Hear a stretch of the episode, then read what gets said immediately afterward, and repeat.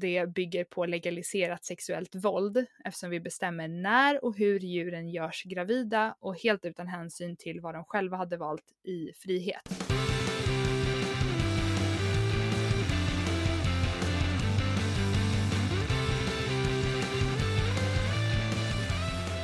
Hej och välkomna till avsnitt 13 av podden Kvinnodjuren med mig Josefin. Och mig Lina. Det här är en feministisk samtalspodd där vi utforskar sambanden mellan olika förtryck med fokus på djuret. Idag fortsätter vi vår serie om djurindustrier och vi tänker fokusera på grisarna. Vanligtvis innan vi kör igång så eh, tar vi tre snabba frågor men nu har vi fått eh, ett gäng lyssnarfrågor så vi tänkte ta en av dem och svara lite längre på det.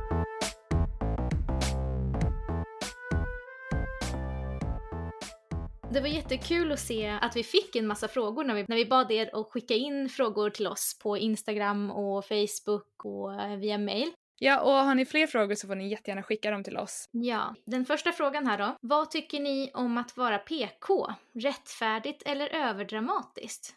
Hmm. Bra fråga. Det är en mycket bra fråga. Jag eh, kände att vi behövde börja med att definiera ordet PK här. Det är någonting som slängs ganska mycket med. Jag bara läser upp en definition av PK. PK står ju då för politisk korrekthet. Eh, och det är en nedsättande beteckning på en inställning där man är överdrivet noggrann med att följa rådande politiska värderingar och att följa den dominerande trenden i samhällsdebatten. Vad tänker du om det? Mm, alltså, jag tror att jag eh, i början när jag, eh, fick, alltså när jag lärde mig det här uttrycket så fattade inte jag att det var nedsättande. Jag har alltid varit en sån här person som, alltså folk har liksom skojretat mig för att jag är så otroligt, alltså som en moraltant och ska alltid göra rätt, ska alltid bry mig om alla och sådär. Så att jag blev väl kanske inte kallad PK men jag liksom hörde om det och bara ja men det är ju jag och jag fattade inte att det var någonting fel. Jag tänkte bara att det var någonting som när man gjorde rätt liksom. Ja. och det vill ju jag göra liksom. Mm. när man är schysst och, och, inte är rasist eller inte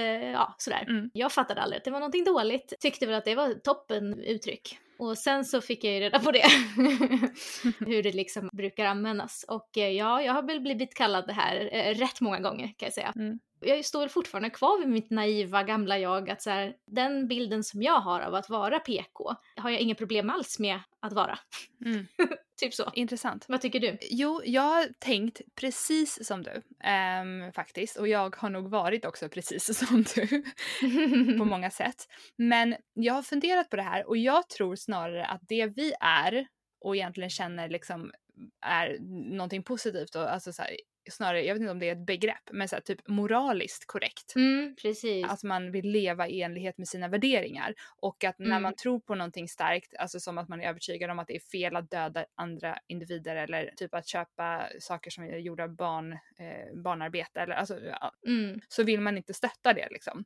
Eh, och att man går all in på en sån sak som man är starkt emot. Mm. Men jag, jag tänker att det är någon slags mer moralisk korrekthet, för ser man det liksom till definitionen så är det ju att man är överdrivet noggrann med att följa rådande politiska värderingar. Mm, och dominerande trenden i samhällsdebatten, vilket är typ ja. tvärt emot av, av vad vi gör. ja precis, och jag skulle snarare säga att vi verkligen inte är politiskt korrekta. Nej. Och till exempel demonstrationer som många aktivister, alltså så här, på stan med civil olydnad eller man står med demonstrationer, ja. alltså så här, då går man ju verkligen emot den dominerande trenden i samhället också. Ja. Sen så kanske det är lite i tiden att vara vegan mm. för naturen och jag menar det är ju lite en trend att vara vegan på ett sätt. Mm. Men jag tycker nog kanske inte riktigt att, att det vi är är PK. Sen så om det är fel eller överdramatiskt, det är också någon så här bild av att man ska vara så perfekt och väldigt, väldigt noggrann om, om hur man mm. agerar. Ja, jag blev nyss utskälld på Facebook. Jag antar att det var det här ungefär som den personen menade. Mm. Jag ställde en fråga om, det var en person som tipsade om eh, en kokosmjölk som jag eh, tyckte mig ha hört var en av de här märkena som använder sig av tvångsarbetande apor som plockar de här kokosnötterna. Mm. Så jag ställde bara en fråga, att så här, men var inte det någon av de här märkena som gjorde det? Bara som en fråga, ingen värdering överhuvudtaget i den frågan. Och fick eh, världens påhopp tillbaka att så här, du kanske är helt perfekt, la la la la men jag, äh, så. Mm. Men det här handlar ju verkligen om det här med att vara 100% vegan. Kan man vara det? Mm. Och liksom, alltså det, det, för det mm. första, man kan ju inte vara 100% vegan för att liksom, lim, limmet i någon sko eller i någon, någon sula eller på vägarna, asfalt, du vet, det är så här slakteriavfall. Det, det, finns ju saker överallt så det är omöjligt att vara 100% vegan. Men jag tänker att vad det också handlar om mycket är det här, vår relation med andra veganer och när man gör det svårt mm. för andra genom att liksom påpeka att har du inte lika mycket vegan som jag? Mm. Och där kommer nog den där tanken om PK in i liksom kanske veganvärlden om man försöker vara överdrivet perfekt mm, liksom, men vilket ingen kan vara. Och det, och det tror jag också är en sån sak som gör att många inte känner att de kan vara veganer. Mm. Du vet någon har någon gammal ullpläd kvar som de fick från sin farmors mor som du vet Precis. har i vagnen till sitt barn och inte vågar ha den liksom när man går på ett vegancafé. Mm. Veganismen handlar ju inte om att vara PK Nej. men vi, vi strävar ju efter att vara så moraliskt korrekta som vi bara kan, tänker jag. Ja, alltså du har ju rätt i det här med att det finns ju folk som liksom jagar folk på nätet och bara det där, du är inte tillräckligt vegan och sådär. Men den här frågan som du tog upp nu bara för att liksom förklara, det var inte alls så jag menade. Det var en fråga jag ställde för att få reda på för min egen del och för andra i den tråden om det var det här märket eller inte. För att, mm. att byta ett kokosmjölkmärke till ett annat, det handlar ju mer om information om att jag kan ta en ställning om jag vill köpa det märket eller inte. Det är ju inte liksom någon stor fråga. Men det kan uppfattas som det dock. Ja. Så jag tror att den här saken blir så problematisk på nätet också för man skriver mm. saker som man vet inte vad den andra har för intention. Det där kan ju lika väl ha tolkats som så här, vem är du kommer här och säger att jag är inte tillräckligt vegan för att jag ja. köper kokosmjölk som är plockad av apor. Ja, personen blev ju jätteupprörd så uppenbarligen så missförstod den ju mig. ja, ja, men det är väl vår tanke om det helt enkelt. Mm. Nu kör vi en utjingel tror jag.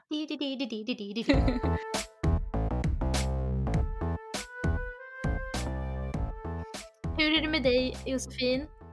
Eh, jo, det är bra. Eh, lite sjuka barn så jag har vabbat eh, en hel vecka nu. Eh, men jag var faktiskt på en aktion i onsdags i Linköping, eh, den största djurrättsaktionen mm. hittills i Sverige. Eh, där vi försökte blockera då, infarten till ett slakteri. Um, och vi var omkring 70 aktivister där. Och jag har aldrig varit utanför ett slakteri förut. Det var väldigt intressant, mycket känslor och eh, spännande med, med civil olydnad liksom. Vi försökte blockera då de här uh, djurtransporterna från att komma in. Jag såg en uh, artikel som tidningen Syra hade skrivit mm. för att nyansera, för det var, hade skrivits väldigt ensidigt om den här aktionen. Ja, precis. Och jag hörde att det hade varit ganska hårdhänt att polisen hade varit, mm. hur var det? Jag läste bara väldigt kort. Ja, ja men det var ju det. Alltså, och SVT de skrev ju om att rökgranater och kniv upphittad på aktion mot eh, slakteri typ i Linköping. Mm. Mm. Det var någon som hade glömt en liten sån här alltså jätteliten kniv. Och så de här rök, det var så här som de ville ha för att ta snygga bilder typ. Mm -hmm. Men sen så fick vi lite upprättelse där på SVT för att han som eh, drog ihop det här, han eh, kontaktade dem för att ge en mer nyanserad bild. Ah, och syre var ju också jätte, jättebra. Mm. Det var ju verkligen alltså, väldigt hårdhänt och tidigare så har man kunnat göra sådana här blockader på ett annat sätt och mer fredfullt. Men nu var det liksom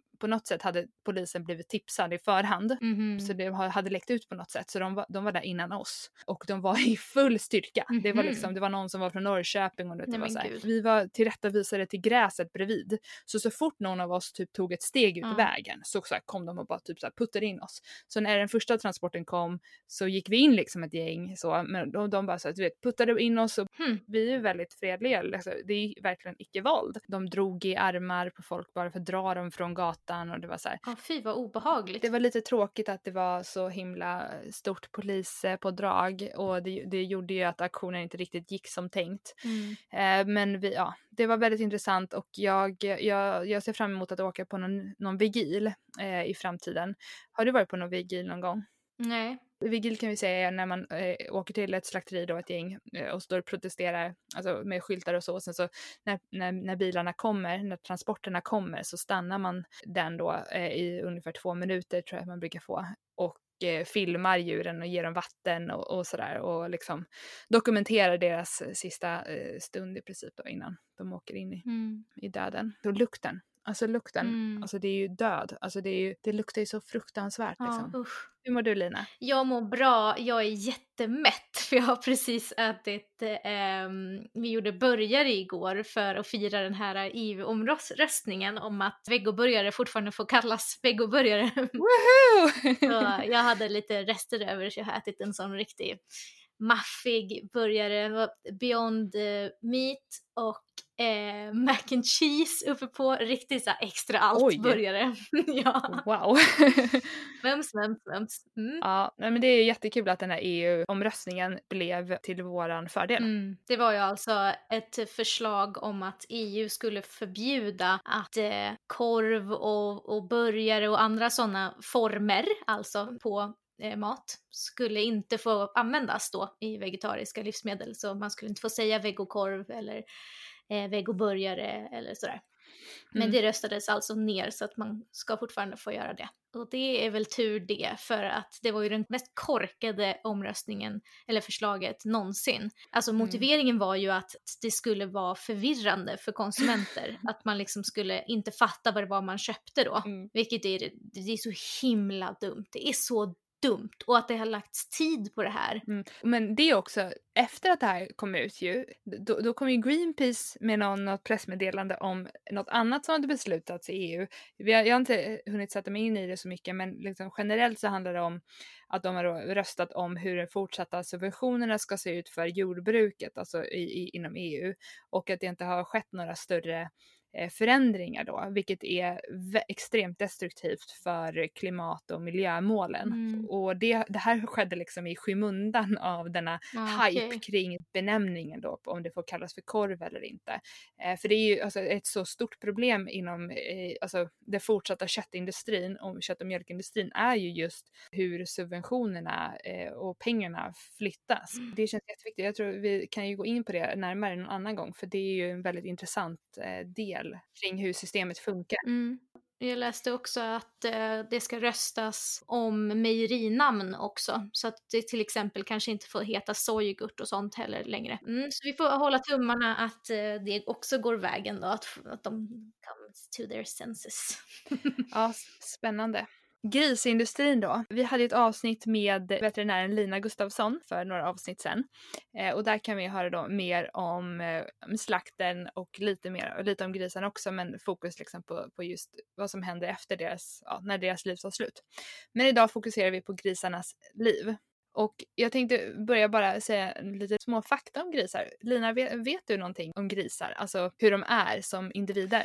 Alltså, eh, det man lärde sig om grisar när jag var liten, alltså dels så hade mina, alltså min farfar och min farbror hade grisar eh, som de födde upp för slakt. Där visste jag inte så mycket om individerna, jag visste mer liksom om hur det funkar på gården. Men sen så såg man ju Emil i Lönneberga och det här avsnittet när han får en gris som han lär en massa tricks och, och en massa sånt. Mm. Och man har ju fattat liksom att de är ganska smarta och jag har också hört att de typ intelligensnivån ligger på så här, vad är det, en hund eller en treårigt barn. Ja, jo men absolut. Eh, jag tror till och med vissa säger att de är intelligentare än hundar. Mm. För, ja, men typ som en treåring. Mm. Jag tänker mig att de är väldigt busiga liksom. Ja, mm. och jag kan säga att en treåring människa är ganska smart. Ja. Den är väldigt busig. men eh, ja, men de är jättenyfikna och väldigt uppfinningsrika. Um, och jag, jag tänker också spontant på den här filmen Babe mm. som man såg när man var liten. Grisar är ju faktiskt mitt favoritdjur. Jag har aldrig riktigt träffat en gris men jag tror lite att Babe har satt den, alltså grunden någonstans för det. Um, och jag tyckte att det var väldigt hemskt när jag såg den, att de skulle äta mm. den. Och så Det börjar ju med att mamman tas ifrån dem, kultingarna, mm. och att de får börja dricka mjölk från en plastspene istället. Och så sitter mm. babe, grisen där vid, vid staketet och ropar mamma. Typ. Nej men gud, det var så länge sedan jag såg den så jag kommer inte ihåg sådana här detaljer. Jag undrar om det inte är en vegan som har gjort den här filmen. ja, eller hur? Men det känns som att grisar har använts ganska mycket i så film och barn, alltså som så här, man får ta hand om som egentligen skulle gått till slakt men som istället blir ett barns djur liksom. Mm. Så dubbelmoralen är, är hög. ja men verkligen. och den här, eh, en av mina favoritböcker när jag var liten var om den här spindeln, Charlotte och grisen. Jag har aldrig läst den eller sett den. Ja, Charlotte's Web. Ja, men de finns ju verkligen på flera ställen, liksom grisar, som vänner och, och sådär. Mm. Det har ju också varit ganska samtidigt väldigt tydligt att det är grisar vi äter som på julbordet mm. liksom när man har haft ett stort grishuvud med ett äpple i munnen väldigt länge. Jag tror inte man har mm. det längre. Och klövar. Ja men precis. Jag, jag, de säljer fortfarande grisfötter. Jag såg det senast på Coop. Oh, ja. alltså, så det är väldigt konstigt att båda de delarna funkar ändå, att folk eh, gullar mm. med dem. Eh, grisar, det känns väldigt konstigt också för grisar porträtteras ju ju ibland också ofta i barnböcker och sånt där så kan de porträtteras som slaktare. De är ofta de som sköter maten, maten i en så djur, mm. djur, eh, alltså som i Bamse så är det, handlar det grymt rund. Men gud, det har, du, det har du rätt i. Jag har inte tänkt på det men nu när du säger det så är det ju jättevanligt. De är ofta mm. kockar mm. eller bagare liksom mm. eh, som sköter mat. Det är väldigt, väldigt, väldigt intressant eh, koppling till grisar också som, som vi pratade om i Lina, att de är väldigt lika oss grisar. Mm. Och de är också allätare precis som vi, alltså de kan mm. fysiskt äta djur, andra djur och eh, växter liksom. Det är inte heller många djur som mm. kan göra det. Någonting annat som är lite kul är att de faktiskt kan spela tv-spel. Ja. Kanske inte jätteproffsigt men de, det finns liksom ett specialbyggd liksom, tv-spel eh, som de då har kunnat manövrera och så. Och mm. de kan också förstå hur speglar funkar och de kan planera planera framåt i tiden genom att eh, gömma mat från artfränder och sådana saker. De pratar hela tiden med varandra och varnar och sånt där. Och sen så är de ju väldigt renliga djur mm. som gärna håller toaletten långt ifrån sov och matplatsen. Vilket är absurt sen när vi ska prata mer om mm. hur, hur de faktiskt har det. Jag lägga till en sak bara. Att vi pratar mycket om så att de är intelligenta, att de är väldigt lika oss djur. Men vi bara, bara så, att, eh, så att lyssnarna inte missförstår att vi personligen värderar ju inte djur som är li, lika människor eller som har hög intelligens. Alltså att de skulle vara då värda någonting mer. Det är bara intressant information om grisarna. Mm. Bara så att vi har det, det liksom urväg. Ja men precis. Ja, och just därför är det så intressant liksom att vi, att vi gör det vi gör mot mm. grisar trots att de ändå också är väldigt lika oss men inte, absolut inte att det skulle ha någon påverkan eftersom att vi tycker att alla kännande individer mm. har samma rätt till liv. Liksom. Ja, generellt sett så är, är, har ju människan, man, man tycker bättre om äh, arter och så som är lika oss själva. Liksom. Mm. Så att det ja, blir ännu mer konstigt att man be behandlar just grisar så här illa. Mm. Ja, Jo, en sista sak som jag bara tänker på också att grisar de kan ju inte svettas. Nej just det. Och det fick jag lära mig väldigt tidigt att de var, att de, och de ses ju i vissa religioner och vissa kulturer som ganska smutsiga på, på grund av det. Mm. Men de älskar att svalka sig genom att rulla sig i lera och simma i vatten och sådana saker. Men det är ju så att de inte kan svettas så då menar, menar man på att alla gifterna är kvar i kroppen liksom. Mm. Så att det är väldigt smutsigt kött. Mm. Det kanske är därför som man inte äter gris i vissa religioner och sådär. Ja men det är det. Um, ja. och, och, och, jag kan tänka mig också att det är en anledning till att de är inte lika mycket mm. värda att tas hänsyn till. Liksom.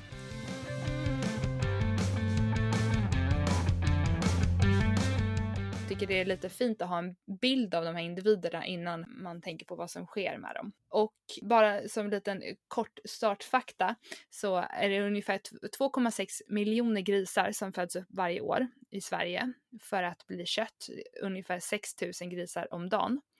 Och de lever hela sina liv instängda i de här kala boxarna på betonggolv när de egentligen älskar att böka i jorden. Och svenska grisar har inte ens en kvadratmeter att leva på. Standard är 10 grisar i en box på 9 kvadratmeter. Mm. Så det är ungefär 0,9 per gris. Och desto större de växer sig, desto mindre plats har de att röra sig på. Mm. Um, och så skickas de till slakt när de är eh, cirka sex månader och då är de fortfarande eh, barn egentligen och de har inte riktigt blivit könsmogna.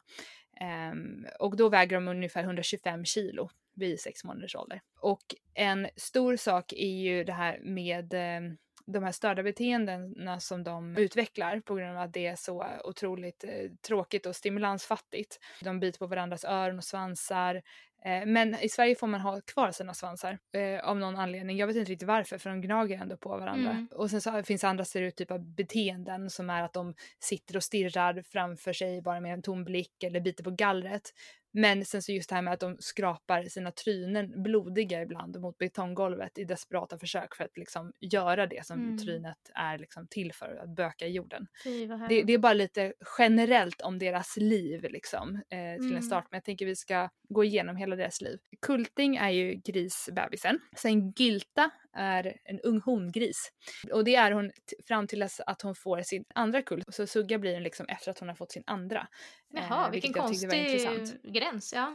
Det visste jag inte faktiskt. Eh, och jag ska gå lite närmare eh, in på det här med, med just eh, gyltor och suggor och aven och det här. För att en stor del eh, som jag ändå vill lyfta är just det här med det sexuella utnyttjandet av de här individerna. Men i alla fall, så vi har Kulting, Gylta och Sugga blir hon då sen efter, eh, efter sin andra kull och sen så Galten heter ju då pappan.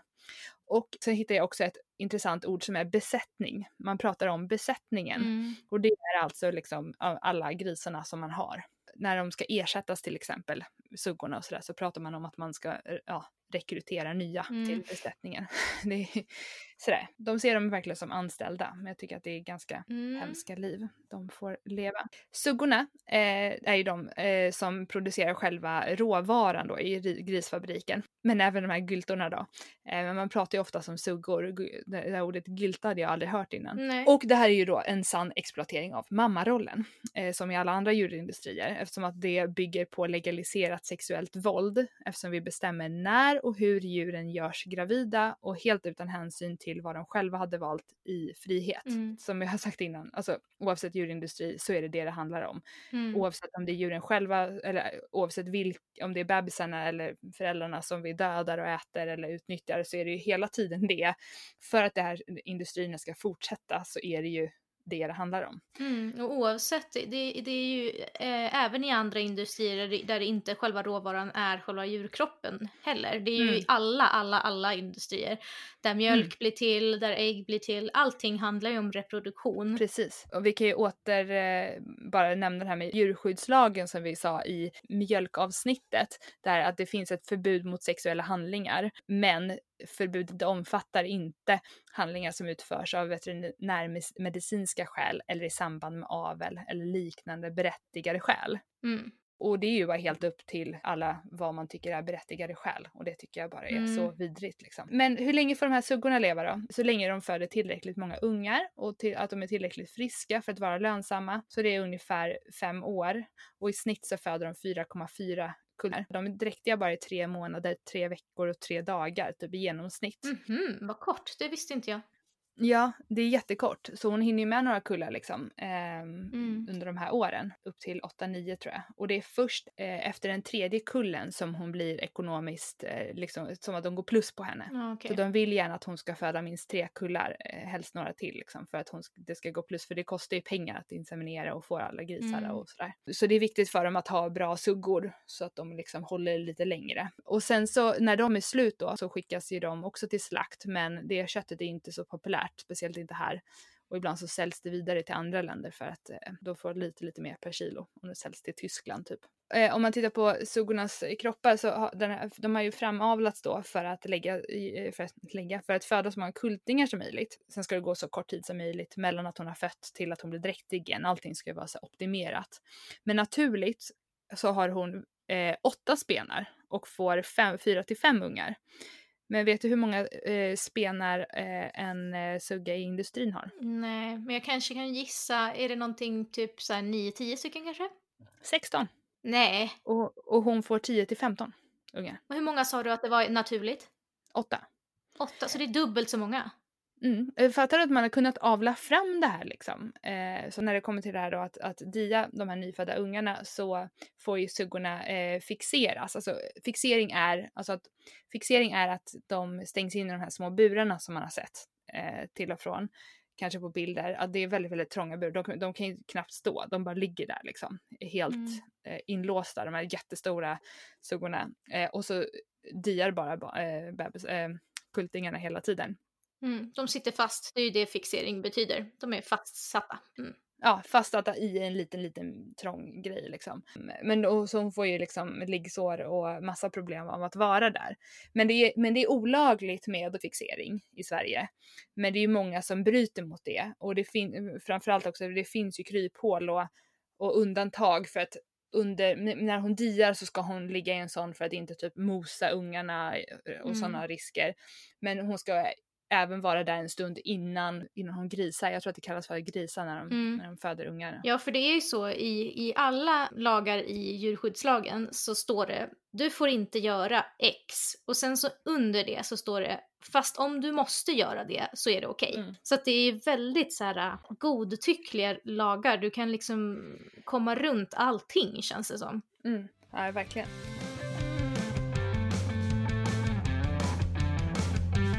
En sak till då, som jag vill prata om är ju det här med eh, av eller i alla fall inseminering av eh, suggorna och gyltorna då. För att de ska kunna föda alla de här eh, maxade barnen, de stora, stora kullarna, så måste de ju då bli gravida. Och det blir de första gången när de är 7-8 månader gamla. De är väl könsmogna och då visar de sin första brunst som det kallas.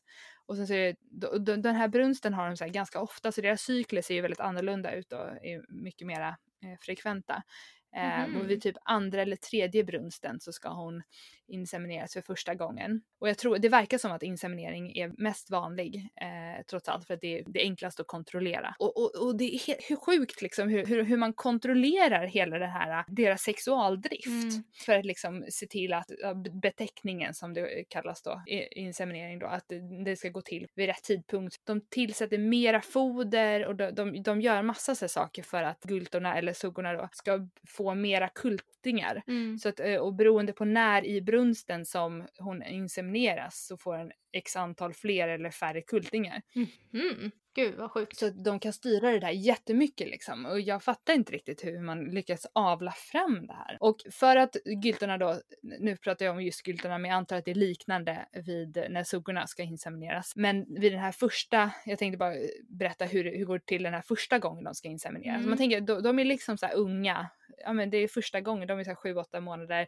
Jag vet inte hur gammalt det är i människoår men jag menar man får tänka en ungdom mm. liksom. Mm, strax efter att de är könsmogna. Ja men typ. Jag fick ju mens när jag var 11. Alltså jag bara, mm. jag hade inte velat bli gravid året efter det. Nej. Men då, då, har de i alla fall att det ska komma in en galt till de här gyltorna då för att de ska uppvisa brunst. Och, och det är typ att de ska få ståreflex och det är då de ska insemineras. För den här, då, typ att de fryser till och det betyder att de är redo att, att grisen mm. ska hoppa på. Oh, så då så eh, ska man ha en galt som är över ett år som ska komma in i deras box en gång om dagen i 15 till 20 minuter och så ska man då kontrollera deras brunst två gånger per dag för att veta när de är i högbrunst och de visar den här ståreflexen. Eh, och sen så vissa eh, gyltor speciellt då behöver ibland tas ifrån gruppen för att de ska våga visa brunst ha, konstigt. De är, alla är olika, alla individer liksom. Um, mm. Så ibland så behöver man ta dem till en separat box för att de ska våga göra det. Och sen så, sen så uh, semineras de med 12 timmars intervall under den här högbrunsten uh, tills att den är över. Så det är inte bara en gång. Nähä, de ska alltså utsättas för det flera gånger. Oh. Mm, och jag vet inte riktigt varför. Det, det är väl för att det ska bli, antingen för att det ska bli max antal kultingar då eller för att eh, man verkligen ska se till att de blir dräktiga. Mm. Eh, men jag tycker det, alltså hela, alltså hela den här kontrollen av deras reproduktiva organ det, det är så, och, och för, för, vi har ju pratat om det här liksom med mammarollen och, och sånt i mjölkindustrin och också här, deras kvinnornas eh, reproduktiva organ i mjölk och äggindustrin men det är oavsett djurindustri så kontrollerar vi liksom hela deras eh, sexuella bedrift. Mm. Men såg du på när eh, det här programmet på SVT gick eh, med, med eh, Henrik Schyffert när han skulle ha hem två grisar till sig. Ja. Eh, då visade mm. de ju insemineringen när de satt baklänges på grisen och inseminerade. Det var så fruktansvärt att se. Ja, de gör ju så för att de ska liksom eh, simulera hur galten gör, för den, galten mm. hänger ju liksom på så. Mm. Ja. Och så, hur kan det inte vara sexuellt liksom? Ja, det är ju äckligt alltså. Att de ska också, människan använder sin egen kropp för att liksom, ja. nej fy vad äckligt. Ja men du vet, de mjukar också upp du vet för att få, alltså, det, det, det är ju alltså, för att få in, alltså, det, det är ju så, det, det, är så himla fruktansvärt. Och de här, och då, tänk då, de här är typ som treåringar i sinnet. Alltså nu kan mm. man inte mm. jämföra med, med, med barn, liksom barn på det sättet men, men jag menar, de är liksom, de förstår inte vad det Nej. är som händer det är ju så inte naturligt överhuvudtaget att en, en människa ska sitta och liksom stoppa in det här grejen. Och jag, människor har väl den här bilden om att djur är djur och de tycker väl bara att det är härligt liksom. Jag vet inte. Ja eller de bryr sig inte typ, de fattar ju ändå inte. Mm. Nej, jag tycker bara det är sånt utnyttjande. Och det är så här, och, och sexism oavsett liksom att uh, vilka djur som utnyttjas. Alltså jag menar, för, för, för galten och alla handjuren måste ju också utnyttjas på sitt sätt för att de tar ju då sperma från dem. Mm. Um, och det är också ett utnyttjande av deras sexuella organ. Så det är inte heller absolut inte bara bara kvinnorna även om de, deras lidande är mer långvarigt eftersom att de liksom måste ju föda och amma eller dia och eh, lida på ett väldigt komplext sätt. Men jag menar själva utnyttjandet av galten är också ett problem. Mm. Så, så det är ju en feministisk anledning att bojkotta all djurindustri kan jag tycka. Mm, absolut.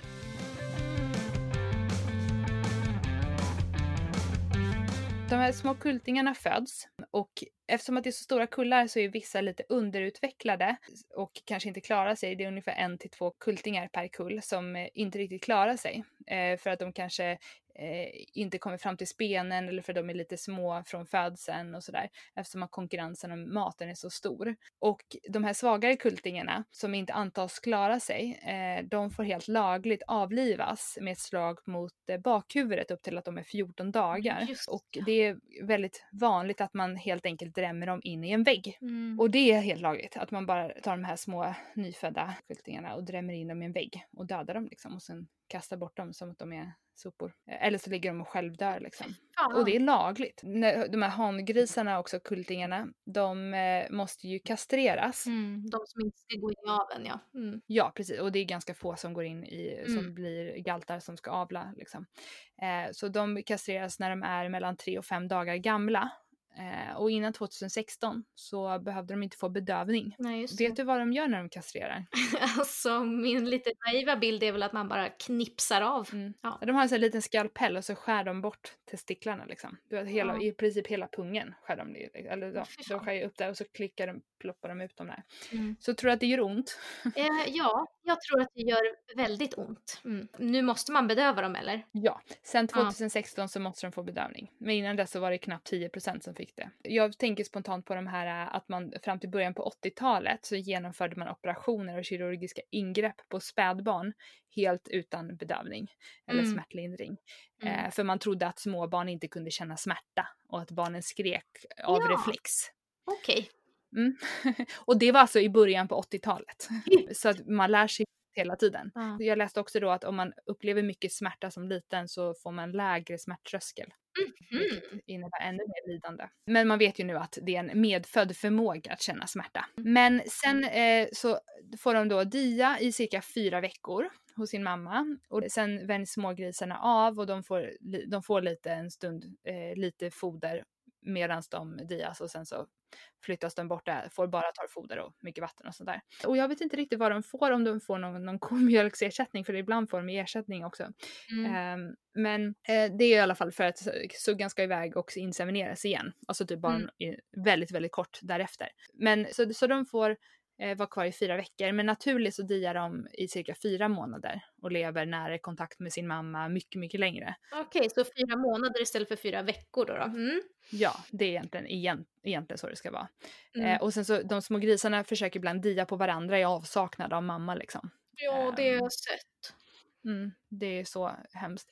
Och på tal om det så i, eh, finns det någonting som heter Bonden i skolan där LRF har massa information om de olika djuren eh, och deras liv. Och det är ju inte med en, en sann djurrättslig vinkel utan det är för att det ska låta så härligt och gott som möjligt och därmed att djuren ger oss kött. Men där skriver de i alla fall att eh, griskultingarna eh, växer väldigt fort och när de föds väger de mellan 1 och 2 kilo. När de efter cirka 35 dagar skiljs från sin mamma väger de ungefär 10 kilo. Då är de riktigt busiga och mamman tycker det är skönt att få ta hand om bara sig själv igen. Men gud! Det skriver de. Usch. Mm. Och sen skriver man grisarna är väldigt familjekära och oftast håller syskonen ihop hela livet. Så, så det, kan ju, det kan ju porträtteras på olika sätt lite beroende på vart man läser någonstans. Ja. Eh, verkligen. Men i alla fall, så när de har vänts av så hamnar de i något som heter en tillväxtbox där de är upp till att de är cirka tre månader och då får de ett visst typ av foder. Eh, och sen så när de är tre månader eh, så väger de ungefär 25 kilo och då klassas de som slaktsvin och flyttas upp till eh, slaktsvinsboxar.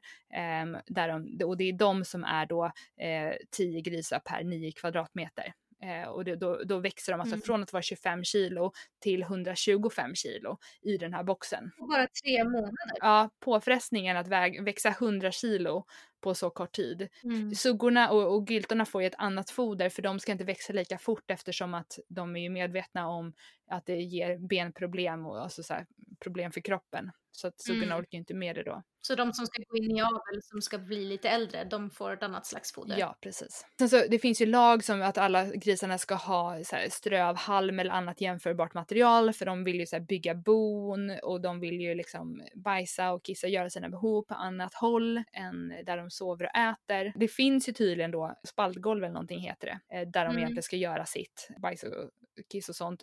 Men alltså, för att om de har, om de har nio kvadratmeter på tio grisar, jag vet inte riktigt vad de tänker då att, hur de ska kunna avskilja det. Men alla kan ju inte vara på samma ställe hela tiden, det är mm. ju liksom helt omöjligt att... Nej, man ser, ja, man nej. ser ju på en massa bilder så inifrån de här platserna att de, de går ju omkring i sin egen avföring och ibland, att de svalkar sig mm. liksom genom att rulla sig i typ leran vilket är deras egen avföring. Mm. Och vi har ju eh, typ lägst antibiotikaanvändning i världen och jag vet inte riktigt hur det är möjligt att vi har det och hur de skriver att vi har så himla friska grisar med tanke på alltså levnadsförhållandena, att det är så himla trångt så som de bor. Mm. Jag tycker det är konstigt. Ja, jag läste ju på lite grann om, om utevistelse ja. för grisar. Alltså i princip alla grisar går inomhus hela sina mm. liv och inomhus så finns det ju mycket mindre risk för olika parasiter och sånt de kan eh, göra rent eh, på ett mycket effektivare sätt. Ja, det är därför. Jag gissar att det kanske är därför att det är bara ett fåtal grisar som får gå ut överhuvudtaget. Förr i tiden så höll ju bonden bara eh, ett fåtal grisar och lät dem ströva fritt i skogen och sådär. Men eh, numera så eh, är det bara ett, knappt ett par procent av svenska grisar som har möjlighet till, ens möjlighet till utvistelse. Där den största delen är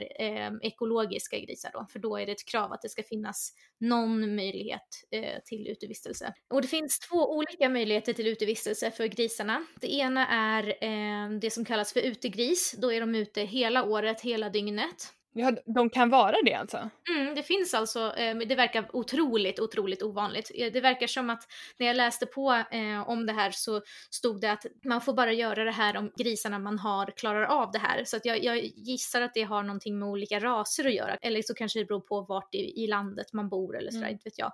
Men de är i alla fall ute hela tiden vad jag förstår. Och de har då olika hyddor som de eh, grisar i, alltså där de, där de föder sina barn. Och eh, det finns skydd från kyla och sol och lerbad mm. och sådär. Och sen så finns det det som kallas för rastgård, alltså där de har möjlighet att de, de går inne majoriteten av tiden men de får tillgång till en mindre rastgård utomhus. Och det här verkar vara det vanligaste hos ekologiska grisar, alltså i produktionen. Jag tänker att utegrisar, det kanske är de här väldigt, väldigt små gårdarna som har liksom några grisar hemma. Liksom. Mm. De har då en mindre rastgård som de kan gå ut till. Och de går inte då på marken oftast utan då har de en hårdgjord platta som de går på för att gödsel ska kunna samlas upp på ett smidigt sätt. Så att även om de liksom är utomhus så är det en stor del av eh, rastgården, om inte hela, är alltså typ en platta, det låter för mig som en typ en cementplatta eller något som de kan liksom skrapa av all gödsel från.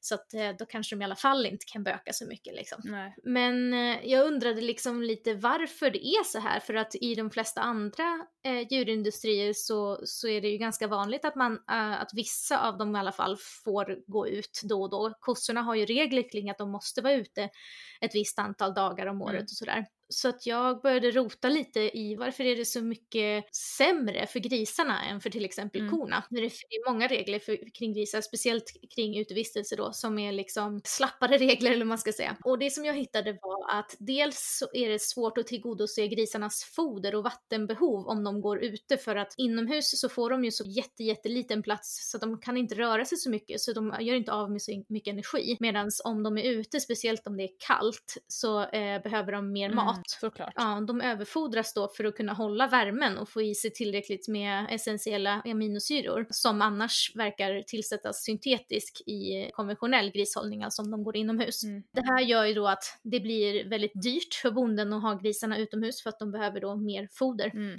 Det står också i en sån grisbroschyr om så här, risker med att ha sina grisar ute, så står det grisarna kan halka. Oj. Så ja, nej men gud, då kan man inte utsätta dem för att gå ut om de kan halka. Ja, det är också så att grisarnas hagar, de är en del av växtföljden, det vill säga för att inte jorden ska utarmas så måste hagarna flyttas till olika platser på olika år. Så att det blir liksom lite jobbigt för bonden att det liksom måste flyttas och det behövs ganska mycket yta då, alltså bonden behöver ha flera olika som kan ligga i träda olika år eller odlas på och sådär. Så att det krävs väldigt mycket eh, utrymme liksom om man ska ha grisarna ute.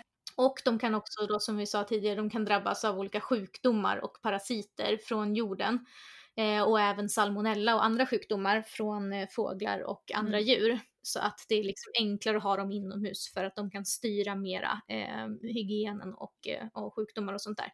Vilket jag kan tänka mig just i Sverige också är viktigt eftersom att vi har ganska strikta antibiotikaregler mm. i förebyggande eh, syfte. För det står så här, eftersom kravdjur inte får behandlas i förebyggande syfte, behandlas då antar jag att de menar ges antibiotika, mm. så krävs stora arealer för att hålla ute grisar eftersom de på grund av smittorisken inte kan gå på samma mark år efter år. Så det verkar inte bara vara det här med växtföljden utan det är också att går de på samma ställen eh, så är, är det risken för smittas av olika sjukdomar och parasiter större också. Mm. Så att det verkar vara väldigt mycket som talar emot eller gör det liksom jobbigt att ha grisar utomhus eh, för bönderna. Det stod också i den här eh, broschyren som jag läste några positiva saker med om man då skulle vilja ha sina grisar utomhus för att det ökar djurvälfärden för dessa grisar som ges möjlighet att böka i jorden och leva ett mer naturligt liv. Men det verkar ju inte väga upp då, då för att det är ju som sagt bara knappt ett par procent som eh, går ute. Alla andra är inne hela sina liv. I den här broschyren stod det också att om man har möjlighet så bör man låta avelsgrisarna gå ute. Och det tyckte jag var roligt att det stod, eller roligt, inte alls roligt, men det var intressant för att där gör de ju liksom en, en bedömning i att de grisarna är liksom lite mer värda ja. för att de ska göra nya grisar. Så att om man nu ska liksom välja så är det de man borde låta gå ute. Då säger man ju liksom att så här, ja, grisar borde få gå ute, men det är svårt så man kan åtminstone låta de viktigaste grisarna få gå ute. Mm, ja. Så länge vi håller antibiotikaanvändningen nere mm. och så länge vi kan få så himla mycket kött. Ja, men, men jag tyckte det var intressant med det där det stod att eftersom att kravdjur inte får behandlas i förebyggande syfte, mm. betyder det då att man får behandla icke-ekologiska grisar med antibiotika i förebyggande syfte? Eh, syfte? Är det bara regler för hur mycket man får göra det eller så. Jag trodde inte att man fick göra det alls. Nej, det vet jag faktiskt inte. Men jag tänker snarare att det är en del av den svenska djurhållningen, att man är stolt över att man inte gör det. Men... Ja, precis. Då är det ju intressant att ifall att lagen säger att man får det, för jag tror att de flesta tror att man absolut inte får det mm. i förebyggande syfte alltså. Så det är ju intressant. Ja, så konstigt.